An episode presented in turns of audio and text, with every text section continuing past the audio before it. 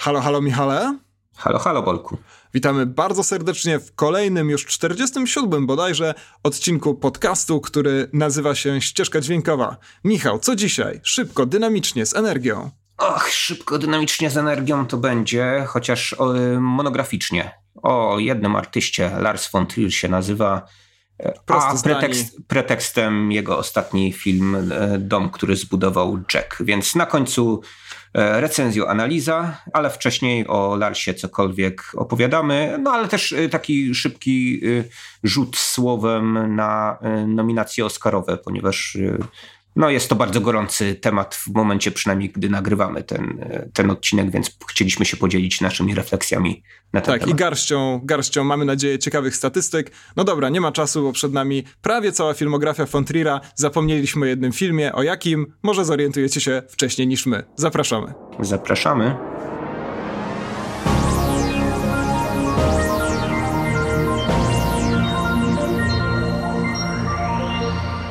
Nagrywamy ten podcast raptem kilka godzin po ogłoszeniu nominacji do tegorocznych Oscarów, w związku z czym no, na gorąco chcemy się podzielić kilkoma refleksjami na ten temat. Ja wiem, że masz przygotowaną garść ciekawostek na temat tego, co po raz pierwszy i tak dalej, ale może zaczniemy od tego, co cię najbardziej zaskoczyło w tych nominacjach. Chyba najbardziej zaskoczyło mnie to, że Roma dostała te dwie nominacje w kategorii najlepszy film, choć jak jeden z naszych e, słuchaczy na Facebooku zauważył, no chociażby ostatnio przydarzyło się to Miłości Hanekego, ale bardzo mnie bawi to, że film dostaje nominację w kategorii najlepszy film nieanglojęzyczny i najlepszy film, co oznacza, że jak wygra, to będzie po prostu najlepszym filmem i tyle, i nie będzie już żadnych wątpliwości, w każdym razie w mózgach członków Akademii. To no przypomnijmy, takie... że to się nie zdarzyło do tej pory, więc to byłby precedens. To znaczy, A nie żaden... zdarzyło się to właśnie w przypadku Miłości? Żaden film nieanglojęzyczny nie dostał Oscara, to chciałem powiedzieć. E, Aha, no tego no tak, głównego tak, tak. Dla, dla, dla filmu po prostu, a nie jakiegoś tam tak. filmu nieanglojęzycznego, prawda? Tak, dla po prostu filmu. Akademia udaje, że docenia po prostu filmy. No, nie wiem w ogóle, jakby to miało wyglądać, także strasznie mnie ogólnie bawi ta sytuacja, ale czy jestem zaskoczony, to może trochę przesada, bo Akademia robi bardzo dużo, bardzo dziwnych rzeczy. No i oczywiście cieszą mnie trzy nominacje dla Zimnej Wojny, bo to zawsze ciepło na serduszkach, na dwóch serduszkach serduszkach i tak dalej. A ty, Michał, czym byłeś zaskoczony? A Joanny Kulik ci nie żal? Nie żal mi o tyle, że jestem przekonany, że to jest e, pani, która jeszcze nie raz doczeka się najwyższych odznaczeń w kategorii film, także pozostaje jej czekać cierpliwie. Myślę, że i tak się już fantastycznie pokazała, myślę, że miała fantastyczną też kampanię promocyjną w Stanach, więc no na pewno jej nie przegapią no, mniejszy żal, bo jest żal, tak? Takim, A, tak. takim, takim sucharem mogę tutaj to tak. spuentować.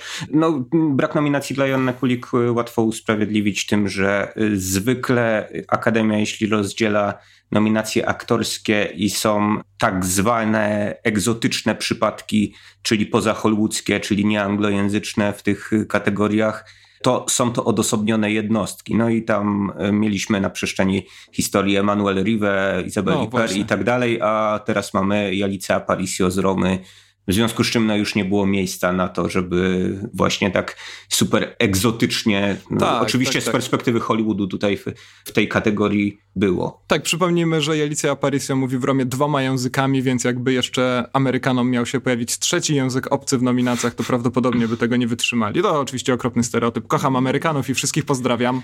Pozdrawiam tak, was, ale, Amerykanie. ale tyle czytania napisów, no przecież tak, wiadomo, tak, że nikt nie wytrzyma nie na filmach. Dobra, ale coś cię rzeczywiście zadowoliło w tych nominacjach, tak od razu, na pierwszy rzut oka, twarzy, uszu, mózgu? No ja jestem oczywiście zaskoczony tym, że są aż trzy nominacje dla Zimnej Wojny, ale bardzo się cieszę z tego powodu, chociaż rozmawialiśmy o tym filmie, nie jest to mój ulubiony film e, z ubiegłego roku. E, natomiast jednym z moich ulubionych filmów, który widziałem w miarę niedawno, ale który debiutował już e, dosyć dawno, bo w Wenecji w 2017 roku to pierwszy reformowany Pola Schroedera. E, myślę, że jak nagramy sobie taki dłuższy odcinek... Schroedera. Tak, nie, nie tego Shreddera z Żółwi Ninja. E, wytłumaczę ci, kim jest Paul Schroeder, ale to chyba przy tym dłuższym odcinku Oscarowym, który sobie nagramy pewnie tuż przed samym E, samą ja ceremonią. Tylko, ja tylko powiem, mhm. że pierwszy reformowany Pola Schradera e, jest do obejrzenia bodajże na Chili albo gdzieś. W każdym razie można go obejrzeć na legalu na polskich VOD, także szukajcie, ale wrócimy do niego przy okazji Oscarowego odcinka. No, no i mów. Jesteś przekonany, że Paul Schrader to Paul Schrader? No Schrader się pisze, nie?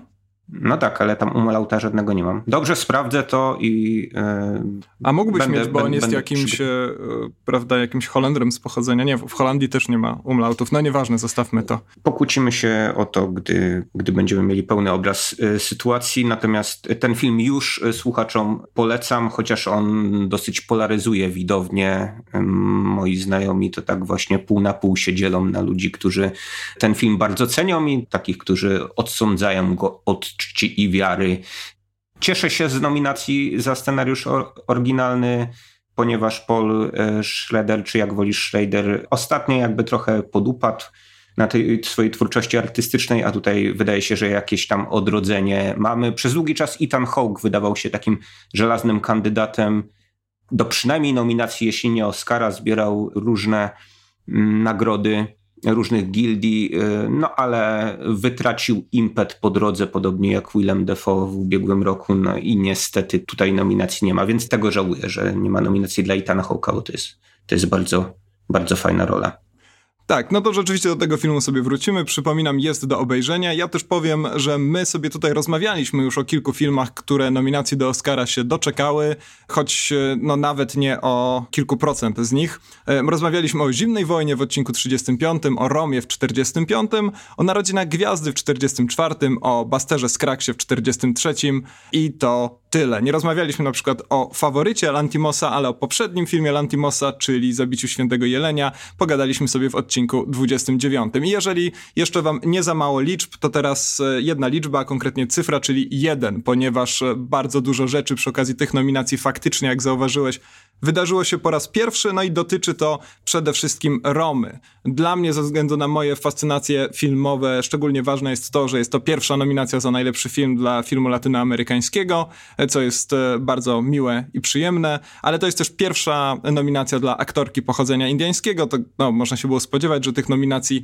nie było dużo. E, to jest też w końcu pierwsza nominacja w tej kategorii dla Netflixa, który dawno temu wydawało się, że odpali z taką mo mocą, a tymczasem inne serwisy typu Amazon go właściwie od razu prześcignęły, także rozmawialiśmy sobie o tym, że Netflix mocno słabuje z tymi fabułami, z serialami zresztą również, ale końcówka zeszłego roku, kiedy pojawiła się ballada o Basterze Skraksie, kiedy pojawiła się Roma, to ten moment, kiedy Netflix na chwilę przynajmniej zaczął prężyć muskuły, no i się opłaciło.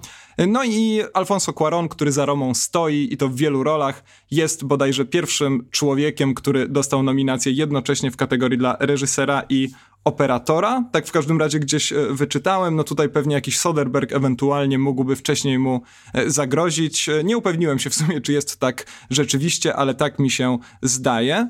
A propos streamingu, to mamy też kolejną nominację dla kolejnego serwisu, tym razem dla Hulu, które dostało nominację za swój, za swój pełnometrażowy dokument pod tytułem Minding the Gap. No i dalej, jeżeli chodzi o jedynki, to Czarny Panter jest pierwszym filmem superbohaterskim nominowanym w tej najważniejszej kategorii.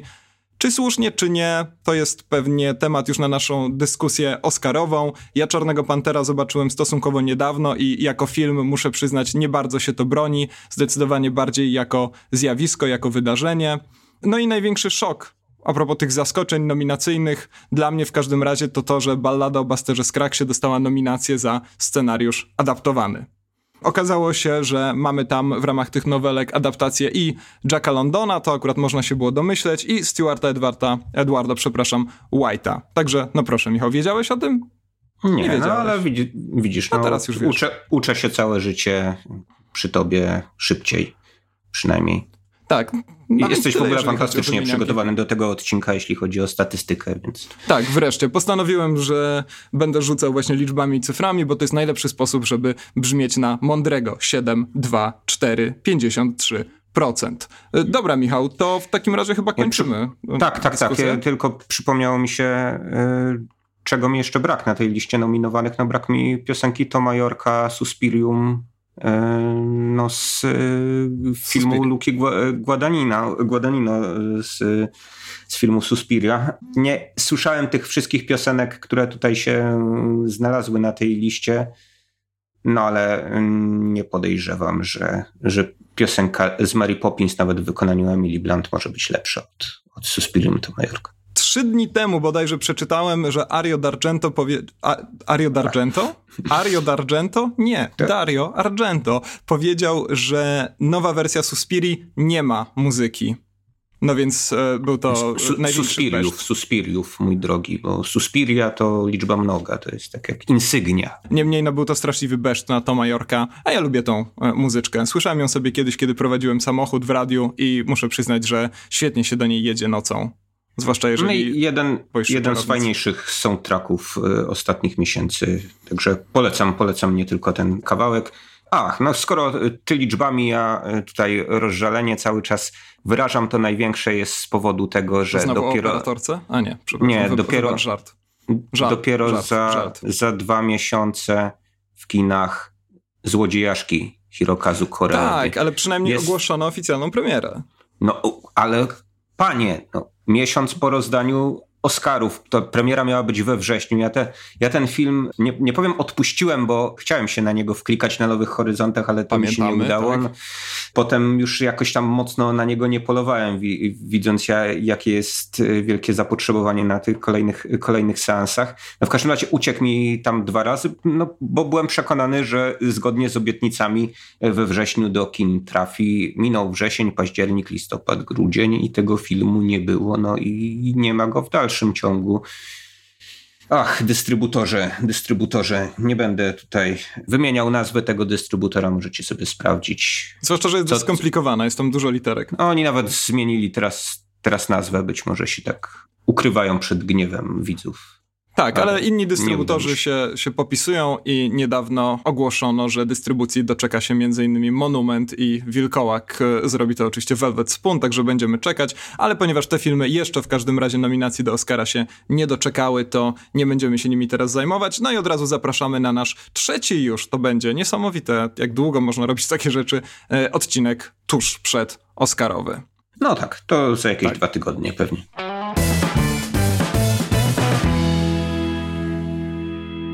Dom, który zbudował Jack, to nie jest adaptacja przeciętnie średnio udanego utworu zespołu Metallica, nie jest to też adaptacja znanej angielskiej bodajże bajki, chociaż mogłoby tak być w jakimś spaczonym świecie, ale jest to najnowszy film Larsa von Triera, albo von Trira, bo w sumie nie sprawdziłem, jak powinno się po duńsku oczywiście wymawiać jego nazwisko. Michał... Von Trier pada we wszystkich y, znanych mi źródłach dokumentalnych, także ja bym się tego trzymał.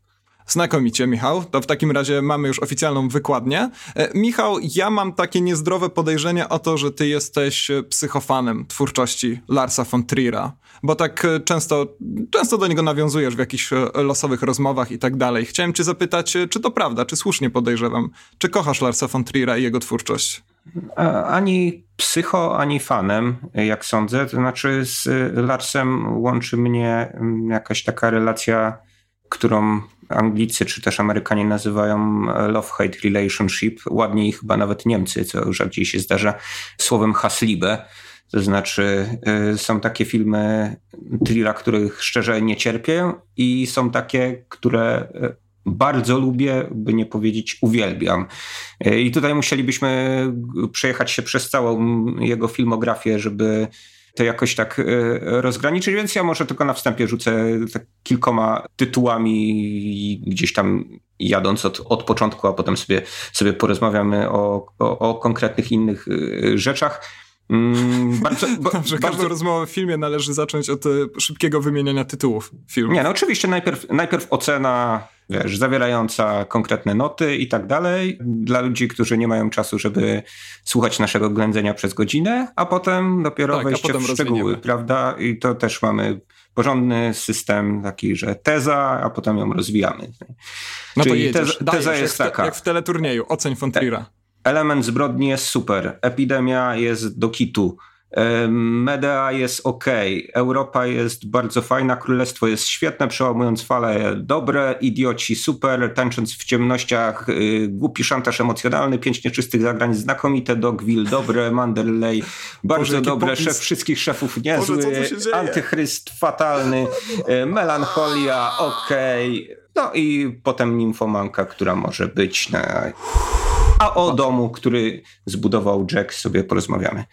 Było szybko i z fasonem? Było szybko, było ekscytująco. Ja nie mam wypisanej tutaj filmografii von Trier'a, więc nie będę próbował robić tego samego co ty, choć oczywiście ty na pewno powiedziałeś to z pamięci, ale powiem, że zgadzam się z tobą w dużej mierze. Tam przez pierwsze pięć tytułów jeszcze słuchałem z uwagą i rzeczywiście mogę się całkowicie zgodzić.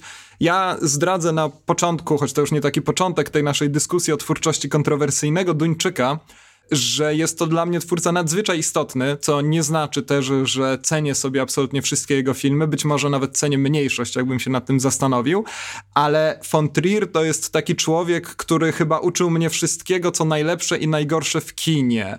W ogóle z wyjątkiem takich nazwisk jak George Lucas, jak Steven Spielberg, to wydaje mi się, że von Trier jest pierwszym reżyserem, którego rzeczywiście jeszcze za bajtla, jak to się mówi w moich rodzinnych stronach, rozpoznawałem z imienia i nazwiska i w miarę z twórczości.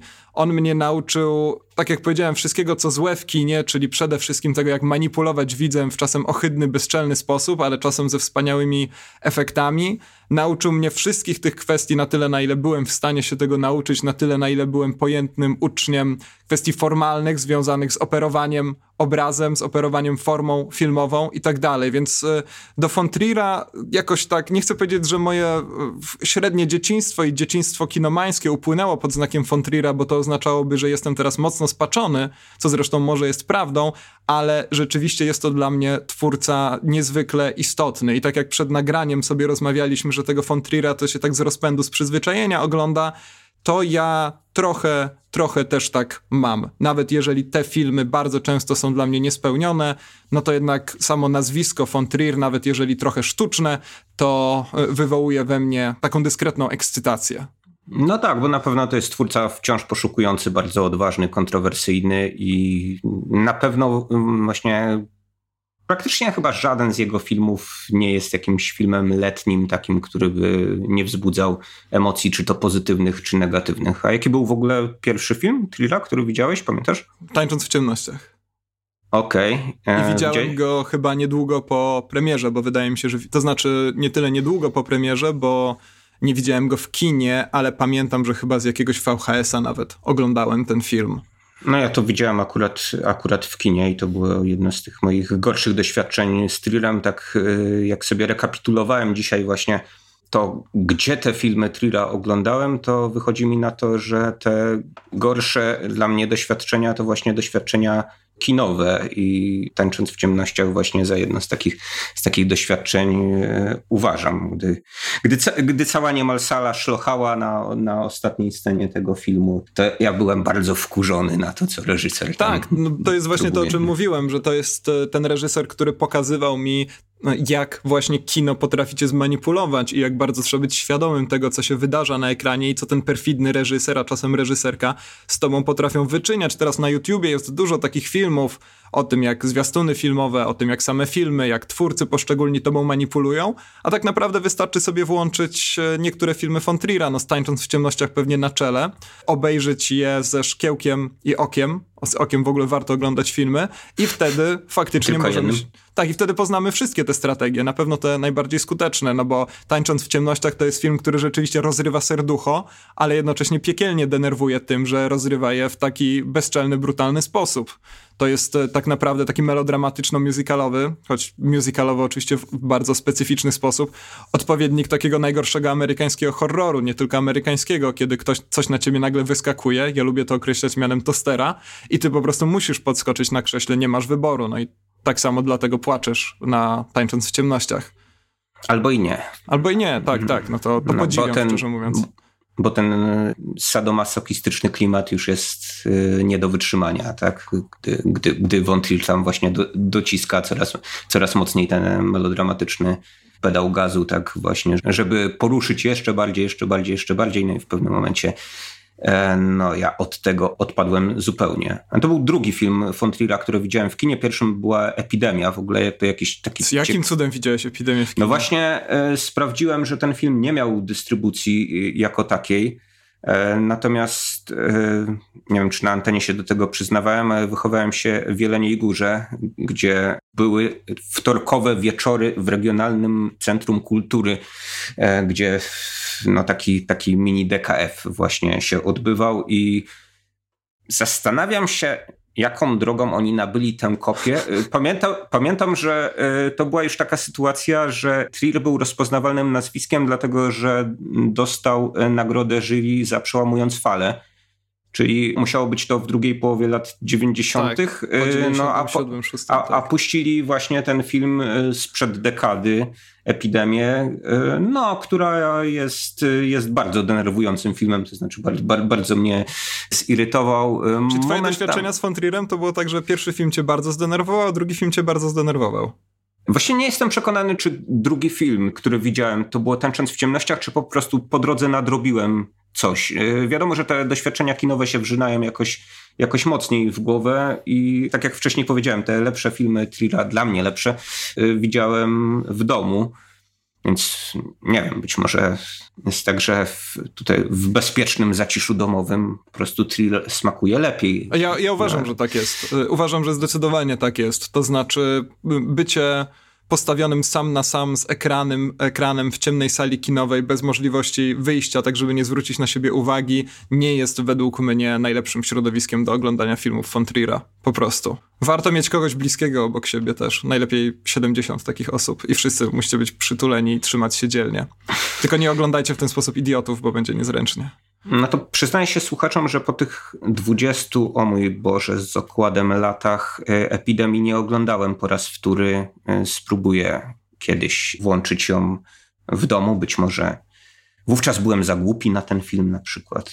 Nie, nie, doceniłem go w całości. Natomiast on ma taką bardzo rwaną formę, trochę nawiązującą do francuskiej nowej fali, której e, w większości szczerze nie cierpię. E, a poza tym kończy się jakimś takim zupełnie historycznym wybuchem e, różnego rodzaju e, natężonej przemocy, jakiś, jakimiś dziwnymi scenami gor i tak dalej, więc no, wydał mi się po prostu jakimś takim głupowym eksperymentem. Tak, i to jest też trochę taka wpadka w tej początkowej twórczości Fontriera, która jednak niemal wyłącznie jest strzałami w dziesiątkę. Wspomniałeś o tym, że bardzo lubisz element zbrodni. No to jest świetny film.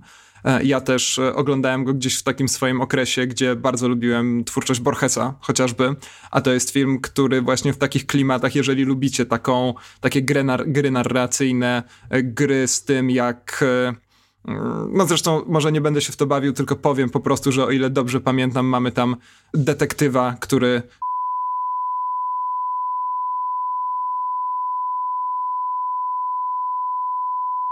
Ja też pamiętam. Co za spoiler straszny.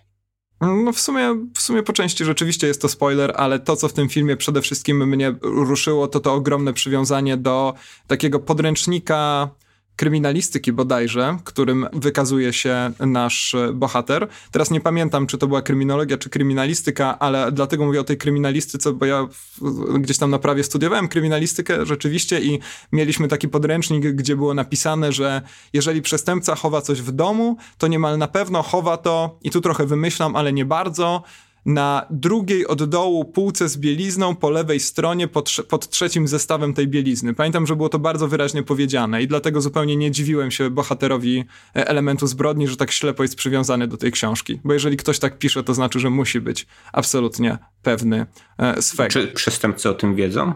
Gdzie Właśnie to, to, jest bardzo dobre pytanie. No ale już dość tych moich przygód z kryminalistyką, to jest. Ja w każdym razie ten film polecam szczerze. Tak, no to jest też. w ogóle wspaniały wizualnie film, niesamowicie wyrafinowany formalnie. Tam mamy nawiązania do y, niemieckiego ekspresjonizmu, którym bardzo się fascynował von Trier, szczególnie na samym początku swojej twórczości. A też mamy fantastyczną kolorystykę, takie żółcie i czerwienie, w które wpada ten film, to też owoc eksperymentów von Triera i z filmu dokumentalnego o nim dowiedziałem się, że on takie rzeczy już za młodu przed szkołą filmową w Kopenhadze był praktykował, ponieważ dostał jakąś tam kamerę 8 mm od, od swojej matki kręcił co popadnie, ale kręcił no właśnie jakieś takie przedziwne arthouse'owe wizje, bynajmniej nie jakieś właśnie popkulturowe rzeczy, tylko eksperymentował z różnego rodzaju filtrami, naświetleniem filmu i tak dalej. No i to w tych jego pierwszych filmach już, już widać, bo element zbrodni jeszcze przed 30 zrealizował, więc szapoba. To widać, e, tak, w ogóle to jest niesamowite. No i przecież Europę chyba też zrealizował albo w wieku lat 30, albo 31 albo 29, w każdym razie młodziutki był jeszcze, a Europa to już jest taki film, który no też jest piekielnie imponujący pod tym kątem realizacyjnym, to wymaga jakiegoś niesamowitego wszechogarnięcia, materiału filmowego, jak to się ładnie mówi, i to rzeczywiście robi ogromne wrażenie. To piękno von Trierowi zresztą zostanie, prawda? Aż tak, do, Europa, aż do dzisiaj, to tylko, tak naprawdę. Europa to tylko dopowiem, to tak dopełnia taką trylogię właśnie von Triera. Tak, e, pod tytułem pierwszą, Europa. jego, te, jego filmy często się układa w takie rzeczy. Nie wiem, czy wiesz w ogóle, że Europa była po części realizowana w Polsce. Mm, nie wiem. E, chciałem teraz e, jakoś moją zaskoczoną minę oddać przed mikrofonem, ale nie, nie no dobrze, no ty tutaj sypiesz różnymi ciekawostkami ciekawostkami, więc to ja może też dopowiem coś więcej. W marcu 1990 roku w miasteczku, czy też wiosce w zasadzie chyba Chojna w zachodniopomorskim, gdzie niegdyś była filia obozu Ravensbrück, kręcono tak sceny plenerowe. I w ogóle Europa ma taką bardzo ciekawą filmową fakturę, to znaczy von Trier przez dłuższy czas posługuje się zdjęciami nakładanymi. Kręcił sceny w Kopenhadze w studiu z aktorami, i nakładał te sceny z Żanem Markiem Barem czy Barbarą Sukową na te plenery, które powstawały e, między innymi w Polsce, a w Polsce Edward Kłosiński, wybitny operator Wajdy, między innymi Kieślowskiego czy, czy Zanussiego, właśnie był odpowiedzialny za te zdjęcia. No, kręcono w Polsce po części ze względu na to, że właśnie ta taka e, zrujnowana katedra, która jest bardzo ważna w jednej ze scen, tam się znajduje, e, no ale po części też pewnie dlatego, że e, statyści byli tani. Zaraz po transformacji ustrojowej miało miejsce i no, dowiedziałem się, że dostawali e, całe 6 dolarów dniówki. nie chyba, miałem o tym pojęcia. Chyba, chyba w Danii by się nie udało tyle zapłacić.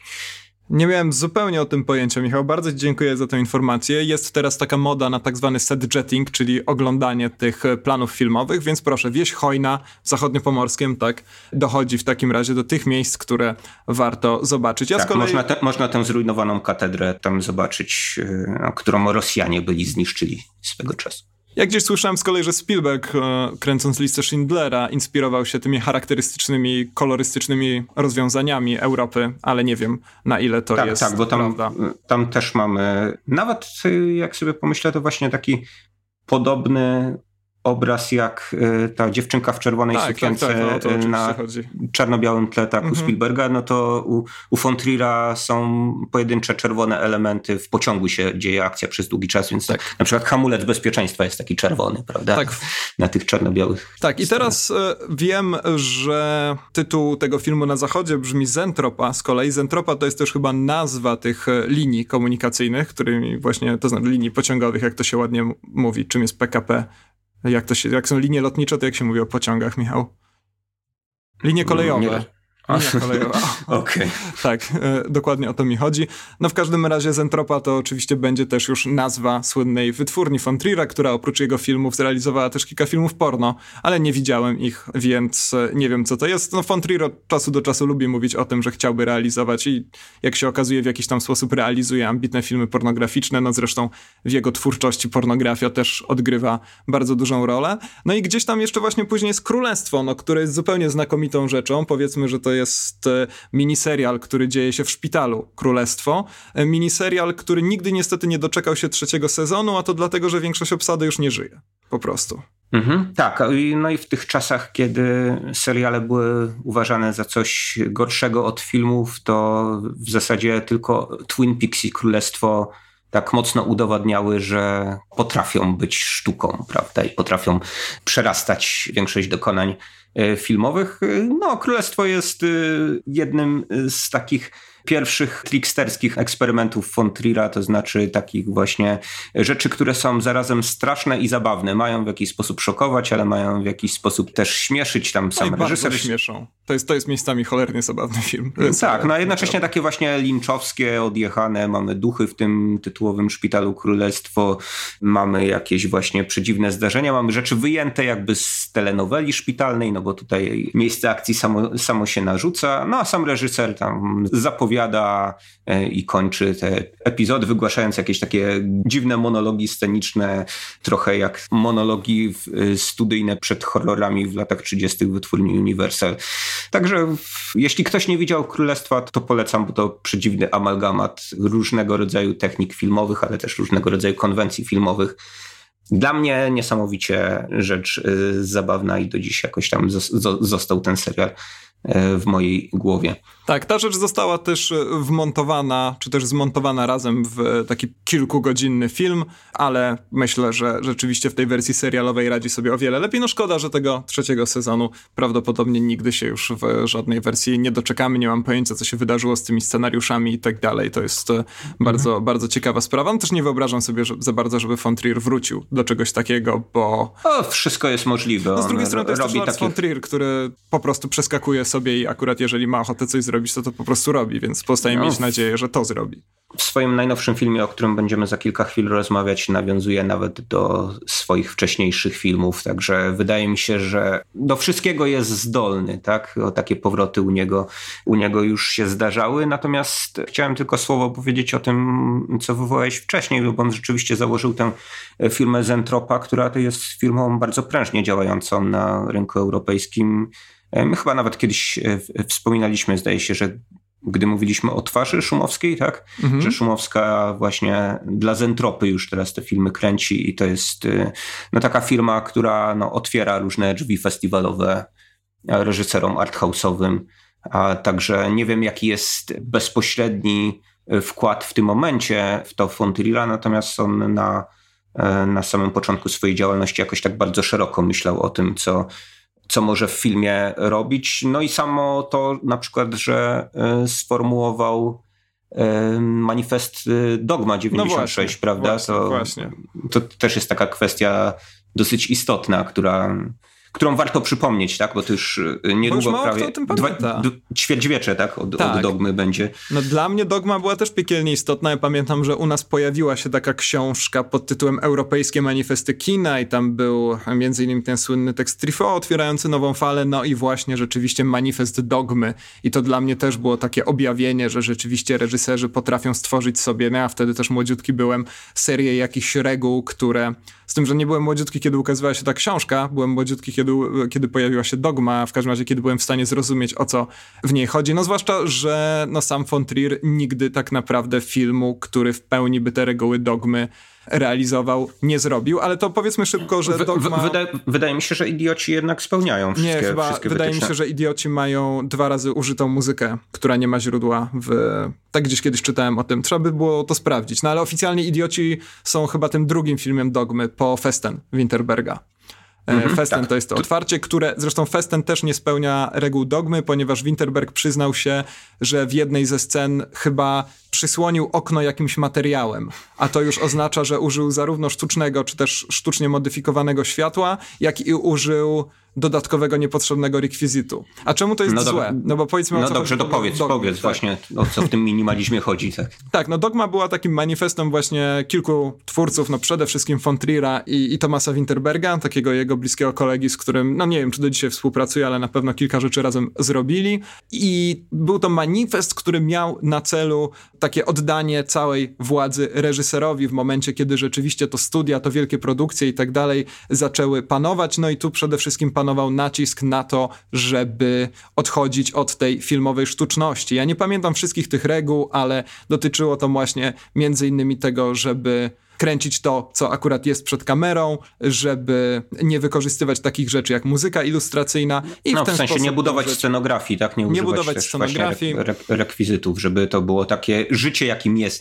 Tak? tak, tak, tak. I kiedy myślimy na przykład o Dogville w kontekście mm, dogmy, no to pozostaje nam się tylko uśmiechnąć. No ale w każdym razie rzeczywiście y, pod, w tej drugiej połowie lat 90. dogma była takim ruchem, który odbił się bardzo szerokim echem, zainspirował wielu reżyserów. Myślę, że najlepiej najlepszą rzeczą, którą dała nam Dogma jest włoski dla początkujących, Lone Sherfik, który też zalicza się do właśnie tych kolejnych dogm, bo te filmy były numerowane, choć mam wrażenie, że w jakiś mocno losowy sposób, no też nie spełniając pewnie wszystkich no nie, reguł. certyfikaty wydawali, tak? Także wydaje mi się, że jakoś to chronologicznie jednak następowało. Okej, okay, no to pewnie można to sprawdzić w jakimś internecie albo gdzieś. Niemniej, no rzeczywiście ja bardzo długo Fontrira przede wszystkim z Dogmą kojarzyłem. A teraz mhm. już jak tak się, no nie mówi się o tym za bardzo. No to jest taka część historii kina, ale papa, nie? No trochę tak, chociaż y, wydaje mi się, że no właśnie takie filmy jak y, Festen wciąż się bronią. Tak, to znaczy czy... dużo rzeczy chyba, no, no mów, mów zresztą, mów. Powiem, że te bariery dogmy zostały spełniane przez bardzo różnych reżyserów, to nie tylko duńskich, to jakby wyskoczyło, było takim fenomenem, że no, objęło może górnolotnie powiem, ale cały świat chyba. E, Harmony Korine na przykład. Tak, no właśnie. Spring Breakers realizował film Julian Donkey Boy w takiej konwencji dogmy. Natomiast no, ja uważam wciąż, że Idioci, czyli film posiadający certyfikat numer dwa dogmy, to film najbardziej spełniony i tutaj znowu to, co mi się w Fontrillerze podoba, to znaczy te filmy, te dzieła, w których ten balans między zgrywą a powagą no jest taki, że nie przechylamy szali bardzo mocno albo w jedną, albo w drugą stronę. Wydaje mi się, że film, który może odrzucić wielu widzów y, no, tymi dosadnymi właśnie pornograficznymi scenami, które wcześniej wywołałeś, bo tutaj mamy niesymulowany seks, taką scenę orgii. Tak, wręcz, tak, no i tam normalnie aktorzy porno zostali zatrudnieni do tego. -hmm. To też zależy na którą wersję traficie, bo jest wersja, w której tego nie ma, jest wersja, w której to zostało wypikselowane w ogóle i tak dalej. No, idioci mają szereg różnych wersji, ponieważ jest tak, to jest... jeden z najbardziej kontrowersyjnych filmów przełomu wieków. Jest to opowieść o ludziach, którzy udają osoby ograniczone umysłowo w jakiś sposób, czy dotknięte jakimiś e, chorobami psychicznymi, e, jak to sami określają, spastykują, także tworzą taką komunę. Dla wielu z nich to jest ucieczka po prostu od dorosłego czy od społecznego życia. No ale w miarę rozwoju tego filmu on z tych właśnie różnego rodzaju żartów, takich sketchów, gagów e, zmienia się w bardzo poważną opowieść, gdy oni zderzają się no, z, takim, z takim naprawdę e, hardkorowym dramatem, to ten film staje się szczególnie dojmujący. No i nie wiem, dla mnie jest, e, jest, jest właśnie mm, jednym z, na pewno z najbardziej spełnionych e, dzieł Fontrilla, ponieważ jest to dzieło zarazem przejmujące, a z drugiej strony bardzo fontrillowskie w tym takim celowym szokowaniu, wywoływaniu kontrowersji, przeciąganiu pewnych granic tego, co można w kinie nie niszowym, nie zupełnie undergroundowym pokazać Także tutaj Fontril e, wydaje mi się, że się spełnił. E, natomiast e, to też jest bardzo ciekawe, że on w tę dogmę wskoczył właśnie z tych filmów, w których wcześniej cyzelował bardzo mocno formę filmową, które były jakieś takie bardzo, bardzo wystudiowane, które nawiązywały mocno do pierwszych dekad istnienia kina, ale też posługiwały się bardzo wysmakowaną formą filmową. A tutaj mamy właśnie ten taki zgrzebny minimalizm, który dogma wymusza no ale długo tak Trill nie wytrzymał, chociaż w ostatnich swoich filmach w zasadzie wydaje mi się, że łączy to, co z Dogmy i to, co właśnie wcześniej, wcześniej realizował. Także tak, no dziś, dzisiaj tak, mamy tak pół na pół. W Nymfomance też. Tak, tak, tak. Zdecydowanie on zawsze był tak trochę rozkraczony, ale jednocześnie no, był i jest takim reżyserem, który nie chce, to zabrzmi banalnie, ale on nie chce się zaszufladkować sam jako artysta i chyba sam stwierdził po prostu, nie wiem, nigdy nie czytałem żadnego wywiadu na ten temat, ale narzucanie sobie jakichś tego typu reguł i tak dalej, to jest kompletna bzdura. No dobra, ale tutaj Tak, już... tak, to, to tutaj mała anegdotka a propos Fontrilla i przełamywania e, e, reguł. On mm, nie, nie osobiście, natomiast wypowiadał się do mnie z ekranu telewizora i powiedział mi między innymi to, co wyczyniał w e, szkole filmowej w Kopenhadze, gdzie był taki enfant terrible, e, wszczynał podobno no, notorycznie dyskusje, kłócąc się z e, wykładowcami, no ale też, krótko mówiąc, trollował pewne polecenia. mówił, że na przykład wykładowcy zlecali takie konkretne zadania dla studentów filmowych, żeby zrealizować jakąś tam etiudę w dany sposób, to znaczy na przykład nie używając narracji z offu albo nie pokazując planszy z napisem pokazującym czas i miejsce danej akcji, tylko żeby to zrobić w jakiś taki bardziej wyrafinowany sposób, y, żeby pokazać widzowi, gdzie akcja ma miejsce, no to wtedy właśnie von Trier przewrotny dawał tę narrację z offu i dawał tę planszę, że mamy Wiedeń, rok 1934. Wow, ale rebel, no, ale No, taki, taki to był człowiek. Aż ale trudno mi uwierzyć, że to on później sobie wytatuował te cztery literki na palcach ręki, prawda? Taki... No taki no, rebelia. Zawsze, zawsze pod prąd. W szkole podobno długo, długo nie wytrzymał, tylko tę podstawówkę chyba skończył, potem, pot, potem szkołę porzucił. Zresztą no, on był wychowywany przez takich bardzo permisywnych rodziców, trochę komunizujących, którzy zostawiali mu absolutną wolność i no i w związku z tym no, wyrosło takie ziółko z niego. Tak, tak Michał, ominęliśmy tutaj przełamując falę. Nic nie mhm. powiedzieliśmy o przełamując falę, a myślę, ale że to warto... chyba nie, nie, nie wiem, czy o każdym filmie zdążymy nie, cokolwiek nie, nie, powiedzieć, ale... ale... jeśli masz coś do powiedzenia, to Myślę, że przełamując falę jest e, istotne w kontekście chociażby domu, który zbudował Jack, bo ta końcówka jednak jest no taką, takim niemalże dokładnym odwróceniem. No ale wspomniałeś o tych różnych trylogiach, no i rzeczywiście ta pierwsza trylogia to Europa, a ta druga trylogia to jest tak zwana trylogia Złotych Serc albo Złotego Serca, czyli filmów, które opowiadają o kobietach, bo właśnie przy Przełamując Falę von Trier skupił się na kobietach. Wszystkie te jego filmy wcześniejsze opowiadały o mężczyznach. A tutaj rozpoczęliśmy tę historię, ten, ten cykl właściwie opowieści o kobietach, o kobietach, no, które... Mieliśmy mhm. Medeę wcześniej, przepraszam. A, no tak, jeszcze, jeszcze była Medea. Rzeczywiście telewizyjna bodajże, mhm. prawda? To chyba nigdy dystrybucji takiej szerokiej, kinowej nie miało. E, no ale w każdym razie mamy tutaj trzy filmy, czyli Przełamując Falę Idiotów i tańcząc w ciemnościach o kobietach, które no, tak naprawdę wystawione są na szereg upokorzeń, zupełnie straszliwych sytuacji, w dużej mierze dlatego, że gdzieś tam w swojej takiej transcendentnej dobroci dają się wciągnąć w takie sytuacje, ale z takim głębokim przekonaniem, że robią to dla czegoś. No i przełamując falę, to jest pierwszy film z tego cyklu i chyba no nie wiem, ty pewnie idiotów najbardziej cenisz, ale przełamując falę to jest rzeczywiście taki film, który też straszliwie szarpie za gardło, okrutnie boli miejscami, ale robi zupełnie niesamowite wrażenie. Tak, bo to jest chyba film, który powstał już po stworzeniu dogmy, ale siłą rzeczy nie jest dogmą, bo no chociażby pamiętamy te interludia muzyczne. Także nijak do tego nie pasuje. Tak, tam mamy trochę z dogmy właśnie nieostry obraz, kamera z ręki, taka, taka właśnie zgrzebność wizualna, o której, o której wcześniej mówiłem, ale już y, oczywiście bardzo szybko von Trier przestał być takim radykałem. No, ten manifest mu był potrzebny chyba tak, żeby zaistnieć, znowu pokazać, że właśnie coś tam nowego sobie, sobie wymyślił. Nowego, starego, no bo tak jak powiedziałeś, manifesty w kinie były kiedyś bardzo popularne. Tak, no i polecamy każdemu filmowcowi napisać manifest, żeby później wiedział, co chce zrobić, chociażby po to.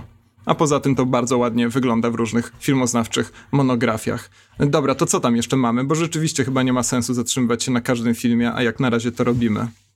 Mhm. Tak, no ja tylko przypomnę, że właśnie Przełamując Falę był jednym z takich pierwszych mocno dostrzeżonych filmów, y, no bo jest, bo jest ta nagroda jury. Dla mnie znowu była to rzecz pewnie trochę zbyt melodramatyczna i zbyt sadystyczna, żeby ją przyjąć z całym dobrodziejstwem inwentarza, aczkolwiek no doceniam ten film jak najbardziej. Mm, no ale może byśmy to, chociaż nie, no, warto chyba powiedzieć o filmie, który dostał Złotą Palmę, prawda? Mimo, że, że mi się tak bardzo, bardzo nie podobał, bo Björk jako aktorka musical, ale bardzo dziwny musical. Jeden z pierwszych filmów e, nakręconych cyfrowo.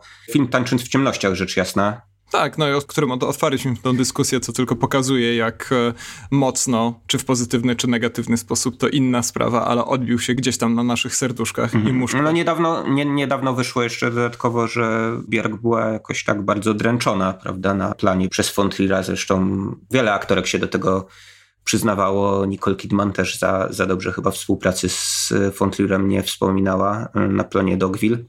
Nie, mm. tylko chyba Stellan Skarsgård lubi, lubi tak naprawdę pracować z von Trierem. On wypowiada się o nim wyłącznie dobrze. Udo jeszcze Udo chyba właśnie, wie, tak, jeszcze Udo wie, w jeszcze większej liczbie filmów von Triera tak, wystąpił. Tak, na pewno większej.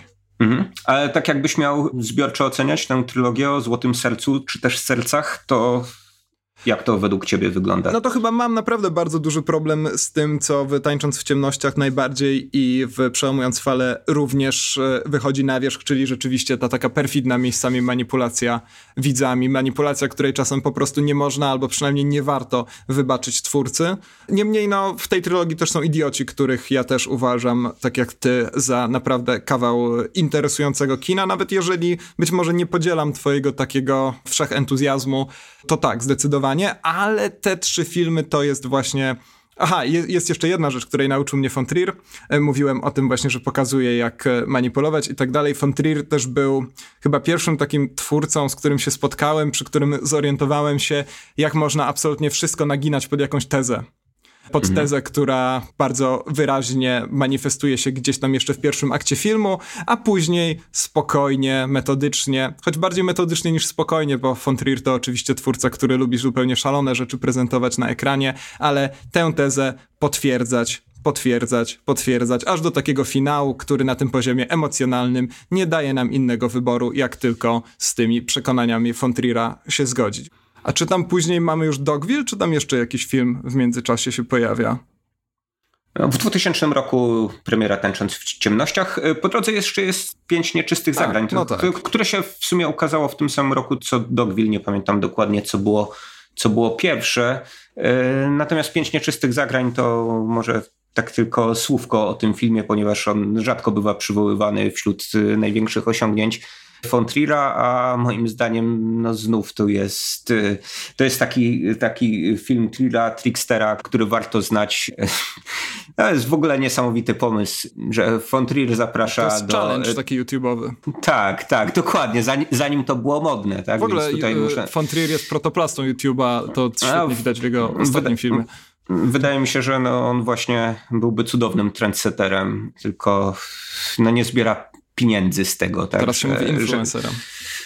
Okej, okay, niech, niech ci będzie, że tak. Natomiast w pięciu nieczystych zagrań on zaprasza swojego mentora niby, to znaczy taki autorytet filmowy Jorgena Leta, y, duńskiego reżysera, no i e, oferuję mi szereg tych takich właśnie challenge'ów, wyzwań, tak, o których wcześniej, wcześniej wspominałeś, ale tak zupełnie w kontrze do tego, co Lew zwykle w swoich filmach e, realizował, to znaczy na przykład każe mu ciąć daną sekwencję filmową bardzo krótkimi ujęciami, podczas gdy Lew właśnie polubił bardzo długie, albo na przykład każe mu robić film animowany, czego Lew szczerze nie cierpił. Mamy takie wyzwania obyczajowe, typu e, zjedzmy razem suty posiłek w jakiejś zupełnie biednej dzielnicy. No może nie będę całego, całego filmu spoilował, ponieważ no, to wszystko są, są takie naprawdę wyzwania, które po części bywają zabawne, po części bywają też jakimś takim wyzwaniem dla widza, bo gdzieś tutaj o krawędzie cringe'u, a może i dalej, tak, y, zahaczamy. Więc... Tak, tak, tak. No gdybyśmy oglądali dzisiaj ten film na YouTubie, to pewnie obaj bohaterowie kazaliby nam rzucać donaty za, za kolejne challenge, które realizują. Także tu się, tu się też zaznacza taki ekshibicjonizm Fontrila, o którym jeszcze pewnie będzie okazja wspomnieć, bo on się no, bardzo się to lubi wiesz, pokazywać na ekranie. chociażby, no właśnie. Mhm, tak, nie, w Epidemii to nawet gra główno, no główną właśnie, rolę. W tym chodzi. królestwie, o którym wspomniałem, tam jest narratorem, w Pięciu Nieczystych Zagraniach y, się pojawia na ekranie przez cały niemal czas, y, no ale też, y, też właśnie Jack jest takim dobrym przykładem ekshibicjonizmu Fontrila, bo to jest też taka opowieść powiedzmy o artyście. Ale zanim do Jacka, to może o amerykańskich filmach jeszcze von cokolwiek e, powiemy. Takich amerykańskich i nieamerykańskich, bo one niby opowiadają o Ameryce, a sam von jak Karol May nigdy w Ameryce nie był. Tak, i nie będzie, chyba że zdecyduje się popłynąć tam promem, bo jak lubi powtarzać, boi się latać. E, no to oczywiście jest Dogville i Manderley. Ja od razu powiem, że nie widziałem Manderley, o ile dobrze kojarzę. W każdym razie nijak tego filmu nie przywołuję z pamięci. Wiem oczywiście, że Bryce Dallas Howard zastąpiła tam Nicole Kidman, ale nic więcej nie pamiętam, więc zakładam, że tego nie widziałem. Dogville lubię. Lubię ten film, choć takie lekkie określenia przy filmach von Trier'a zawsze są trochę wątpliwe. Bardzo mnie bawi do dzisiaj ta taka wściekłość amerykańskich krytyków skierowana przeciwko Dogville. Te krytyki właśnie zwykle skupiają się na tym, że przecież von Trier w Ameryce nigdy nie był, a wypowiada się o Ameryce krytycznie. On oczywiście tą Amerykę tworzy bardzo umowną i nie tylko dlatego, że cały ten film składa się z domów rysowanych kredą na parkiecie hali, w której ten film jest kręcony, bo no, wszyscy pewnie kojarzą, że Dogville nie ma już absolutnie nic wspólnego z przedstawianiem realistycznym czegokolwiek. To wszystko są właśnie umowne rysunki kredą, które przedstawiają e, miasteczko o, nie pamiętam czy ono tam ma jakąś nazwę, ale w każdym razie nie tylko dlatego jest to wyraźnie w, w taki ostentacyjny sposób Ameryka nierealistyczna, ale też cała ta społeczność tam jest mocno odczepiona od całości. Roger Ebert, pamiętam, pamiętam, gdzieś kiedyś o tym czytałem, pewnie dużo, dużo, dużo po premierze, Dogville mówił, że no on nie kojarzy takiego miasteczka w Ameryce, gdzie takie straszliwe rzeczy by się działy, no i oczywiście, że nawet nie powinien kojarzyć, bo wydaje mi się, że ten film opowiada o bardzo wielu miejscach na całym świecie, albo o żadnym miejscu i przez to właśnie o wszystkich. Sam von Trier, z tego co pamiętam, również e, wywołuje teraz jakieś resztki wspomnień z różnych wywiadów. Opowiadał o tym, że czuje się w iluś tam 10% Amerykaninem, mimo że nigdy tam nie był, dlatego właśnie, że Ameryka przecież całkowicie zdominowała kulturę światową, więc wszyscy w jakimś tam stopniu jesteśmy Amerykanami. Ja się z tym absolutnie zgadzam. Ale no Dogville to jest e, satysfakcjonujący seans według mnie, jak najbardziej. A, tak, to jest kolejny właśnie taki przedziwny eksperyment, jak wspomniałeś. Film, który no, na początku się, wydaje się, że jest jakimś takim spektaklem teatralnym, tak, zarejestrowanym kamerą.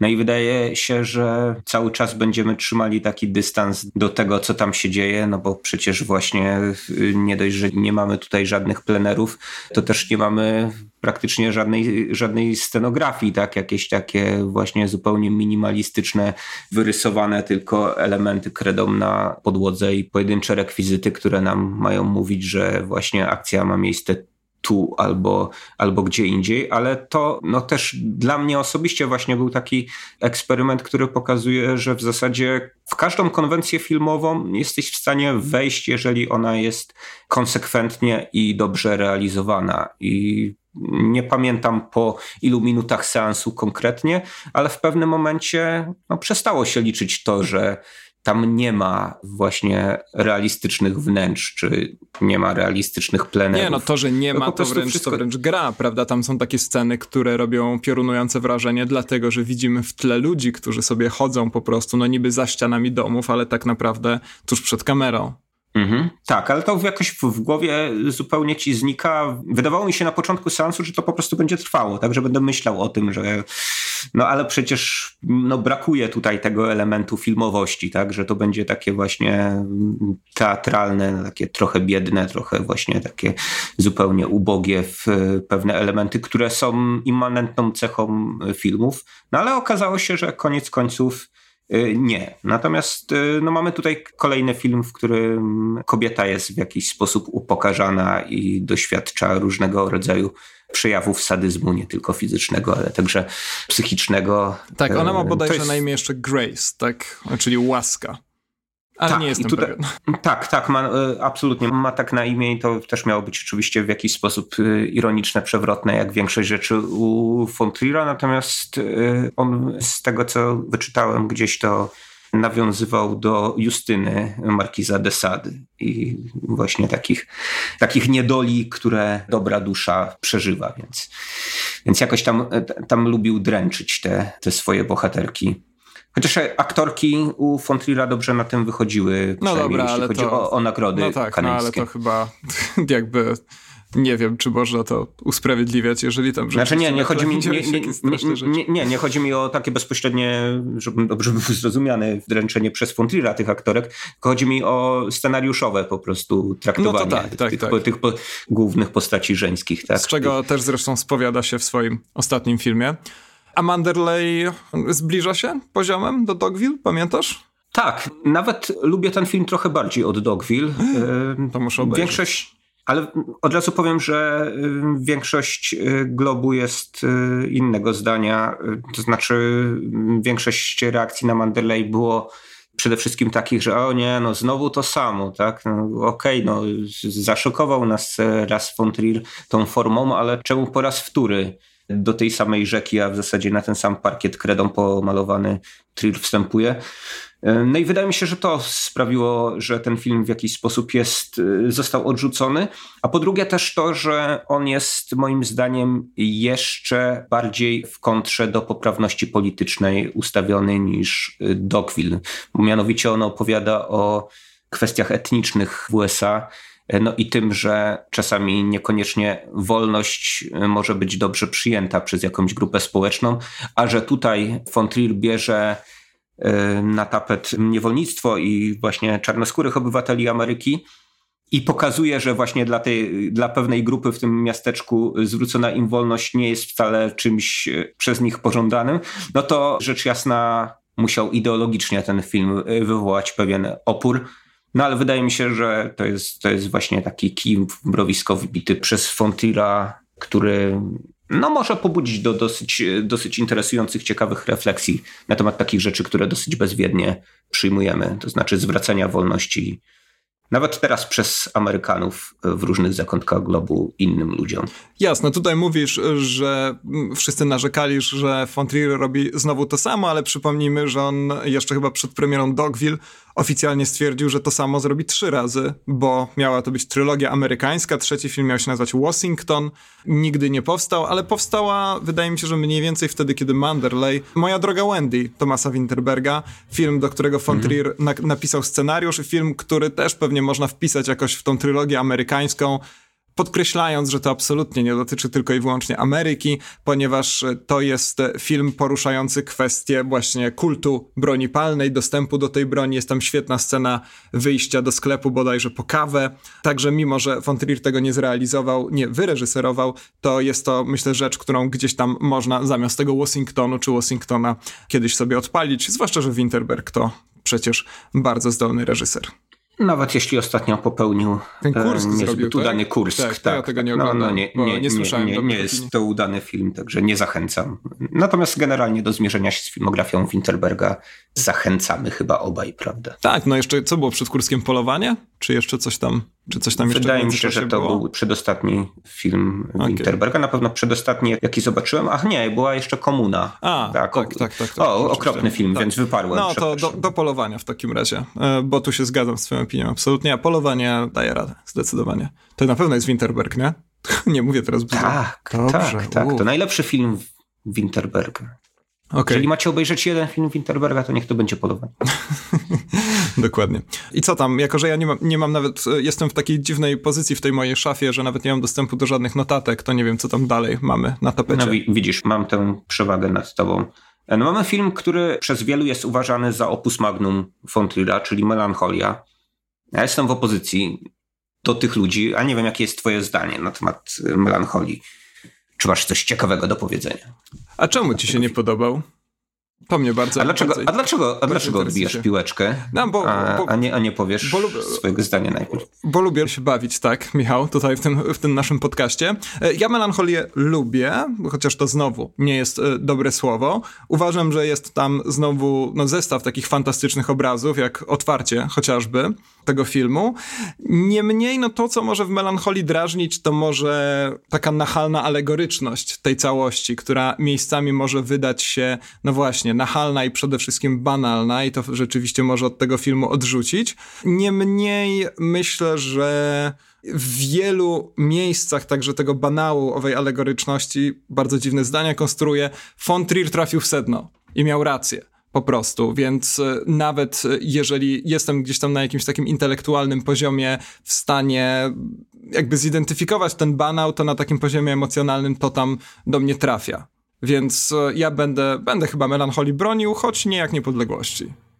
No dla mnie to było takie właśnie międlenie się we własnych bebechach, trochę wydaje mi się zbyt ekshibicjonistyczne wyciąganie właśnie tego, jak to sam von Trier depresyjnie, niby jak to w każdym wywiadzie wówczas zwykł e, podkreślać, e, postrzega samą sytuację egzystencjalną i generalnie jak patrzy na cały świat. Bardzo mnie ten film męczył w trakcie seansu, to znaczy... A przecież są tam dowcipy. Są tam takie dowcipasy czasem. Z tego co pamiętam, no Kirsten Dunst miejscami jest, e, jest dość, dość. Nie, nie pamiętam, żeby, żeby Kirsten Dunst jakieś, jakieś dowcipy tam opowiadała. Kompletnie nie pamiętam, żeby ten film właśnie był tricksterskim filmem von Trier'a, bardziej takim, takim posępnym w stronę przełamując falę niż, niż właśnie filmem, który w jakiś e, no, ironiczny sposób traktuje sam siebie. Dla mnie był dowodem po prostu tego, że gdzieś w tym własnym smutku się tak zanurzył Trier bardzo, że no już, już nie szokuje nawet, e, tylko nudzi, ale to przepraszam fanów od razu, że nie przepraszaj, bo von Trier na pewno by nie przepraszał.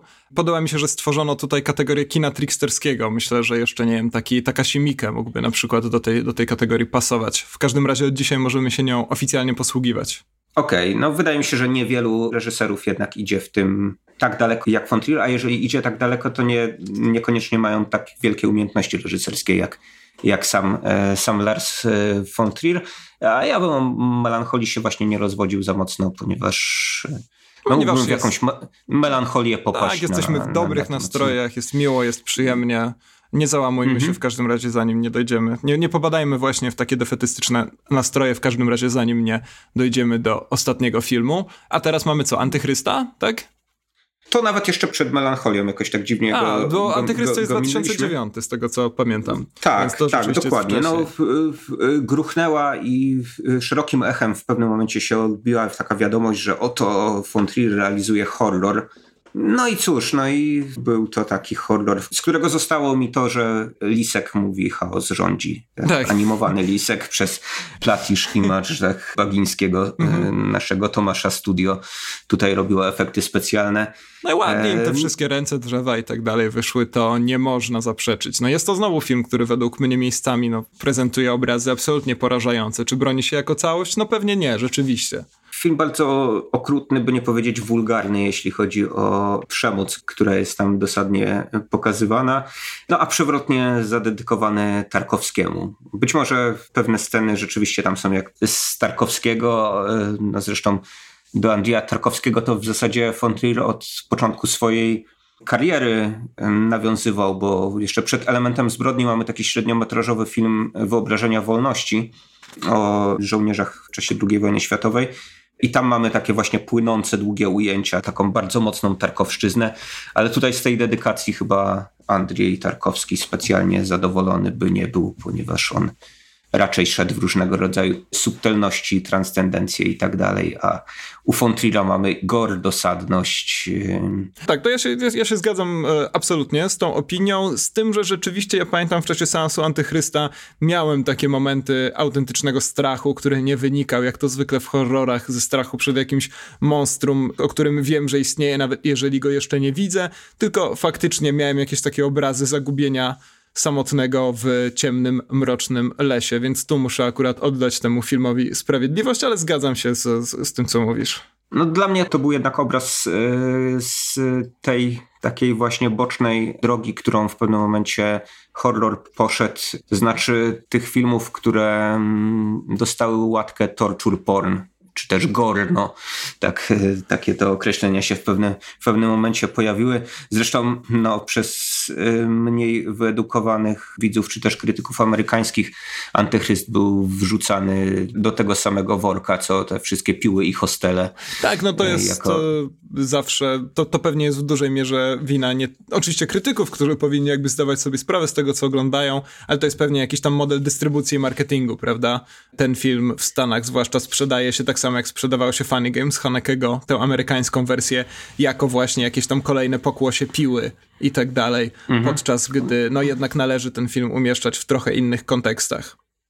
Tak, no ale chodzi mi o to, że ja osobiście cenię takie klasyczne budowanie napięcia w kinie grozy, to znaczy straszenie raczej nie pokazywaniem pewnych rzeczy, a przynajmniej podprowadzaniem tych strasznych rzeczy w odpowiedni sposób y, na ekranie, no podczas gdy Fontrill poszedł moim zdaniem tą łatwiejszą drogą, czyli, czyli, czyli właśnie takim kinem, kinem szoku, w czym celują właśnie ci twórcy dzisiejszych horrorów, a co ja niespecjalnie sobie w kinie cenię. Dlatego no, Antychryst dla mnie no, rzeczą udaną nie mógł być. No dobrze, to jeszcze nimfomanka i przejdźmy wreszcie do domu, mhm. który zbudował Jack. No to do pewnego stopnia Ninfomanka jest taką kontynuacją Antychrysta, tylko że tutaj mamy dosadności w trochę innej materii, w tej materii właśnie seksualnej, tak, ponieważ na tym się Ninfomanka skupia. Ale ja bym te dwie części Ninfomanki, ponieważ to niesamowicie długi film, w jakiś sposób już chyba płynnie połączył nie, no, z, Aha, z Jackiem. Myślałem, z recenzją, z recenzją domu, który zbudował Jack, ponieważ te, te filmy mają bardzo dużo ze sobą wspólnego, zarówno jeśli chodzi o taką formę narracji, jak i formę montowania pewnych scen, filmowość, więc więc może już tak do tego domu, tak byśmy wkroczyli? Dobrze, to wejdźmy już do tego domu. wycieczki do nimfomanki. Wejdźmy, wejdźmy już do tego domu. Rzeczywiście, choć jak wiemy z filmu istnieje duża szansa, że zawali nam się na głowę, to jest taki kolejny film i to naprawdę kolejny, kolejny, kolejny, kolejny, który był może nie tyle oficjalnie reklamowany, ale na pewno dystrybutorzy cieszą się z tego, że w Cannes został oczywiście wybuczany, wiele osób wyszło i tak dalej. E, oglądałem na YouTubie, na kanale Kermody and Mayo recenzję Marka Kermodiego, oczywiście słynnego brytyjskiego krytyka, e, który zwrócił uwagę, że nie należy brać tej kanańskiej publiczności do końca na poważnie. Oczywiście doskonale o tym wiemy, że tam zawsze jakoś ta wrażliwość jest nienaturalnie wyostrzona.